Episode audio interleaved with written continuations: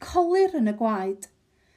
Mae Sian Grigg yn golyrydd ar ffilmiau Hollywood ac yn byw ym Mhen Arth, a hithau a phrofiad o dros chwarter canrif yn y maes, mae hi wedi ennill gwobrau BAFTA a chael ei henwebu am Oscar. Un o'r ffilmiau diweddarau ddiweithio arni yw Jurassic World 3 Dominion, sydd eto i gael ei rhyddhau. Ei chwaer yn hyfraith Gwenllian Grig fi'n siarad â hi am ei gyrfa. Dawnus trylwyr a dim hongar. Petai'n rhaid i mi ddisgrifio Sian mewn tri gair, dyna'r rhai fyddai ar frig yr hester. Ond mae yna lawer o rai eraill yn cystadlu hefyd. Realistig, hunanfeddiannol a gonest. Ro'n i'n ymwybodol o'i dawn cyn i fi gwrdd â hi yng nghanol y nawdegau, yn gwybod drwy ei brawd Richard, fy ngŵr nawr, ei bod hi'n gweithio ar ffilmiau – ond hefyd roedd ei gwaith celf cywrain i weld ar waliau tŷ ei rieni, ac fel un sy'n hoff o gelf fy hun, ro'n i'n llawn edmygedd o'r caligraffi o'r twrch trwyth a'r portreadau o'i thad cu, Grampa Cornwall oedd yno. Mae hi wedi teithio i bob cwr o'r byd yn gweithio ar ffilmiau fel Titanic, The Beach, Captain Corelli's Mandolin, The Great Gatsby a'r Revenant. I enwi dim ond rhai.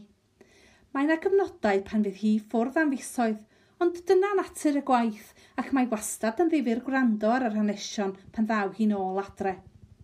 Colir yn cŵl. Doedd mynd i fyd coliro ddim yn hollol anisgwyl i Sian. Cafodd ei mam, Marianne, yrfa lwyddiannus fel colirydd. Dwi'n cofio chwarae gyda bocs colir mam, eglurodd. Dwi'n cofio'r gwynt a dwi'n cofio mynd drwyddo fo a mam yn strict iawn yn dweud bod rhaid i fi roi popeth nôl ble o'n i di ffeindio fo.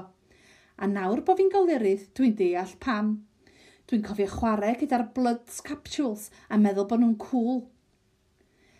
Er ei bod wedi ystyried gyrfa fel arlunydd, penderfynu'n erbyn hynny wnaeth Sian. Weithiau i mas bod fi siŵr o fod ddim yn ddigon da i wneud arian ohono fe, ond pan ti'n peintio wyneb rhywun, dwi'n cael yr un pleser creadigol. Nes i weithio mas bod fi ddim yn hoffi gweithio ar fy mhen fy hun chwaith. Fi'n hoffi gweithio fel rhan o dîm a bwnsio syniadau. Ac felly dyma fentro i fyd colir, ac mae'n nodi ffilm Howard End ddod allan yn 1992 fel y ffilm agorodd drysau iddi. O'n i'n helpu mas ac yn gwneud yn siŵr mod i'n gweithio mor galed fel ei bod nhw'n moyn fi nôl drwy'r amser – ges i fy nghyflwyno i lot o bobl ar y ffilm yma. Ar Howard's End nes i gwrdd â Betty Glasgow, oedd wedi gwneud gwallt y Beatles a Michael Caine. Nath hi gyflogi fi fel assistant a hi gyflwynodd fi i Tina Earnshaw, wnaeth y Titanic. Dyna ble dechreuodd ei gyd.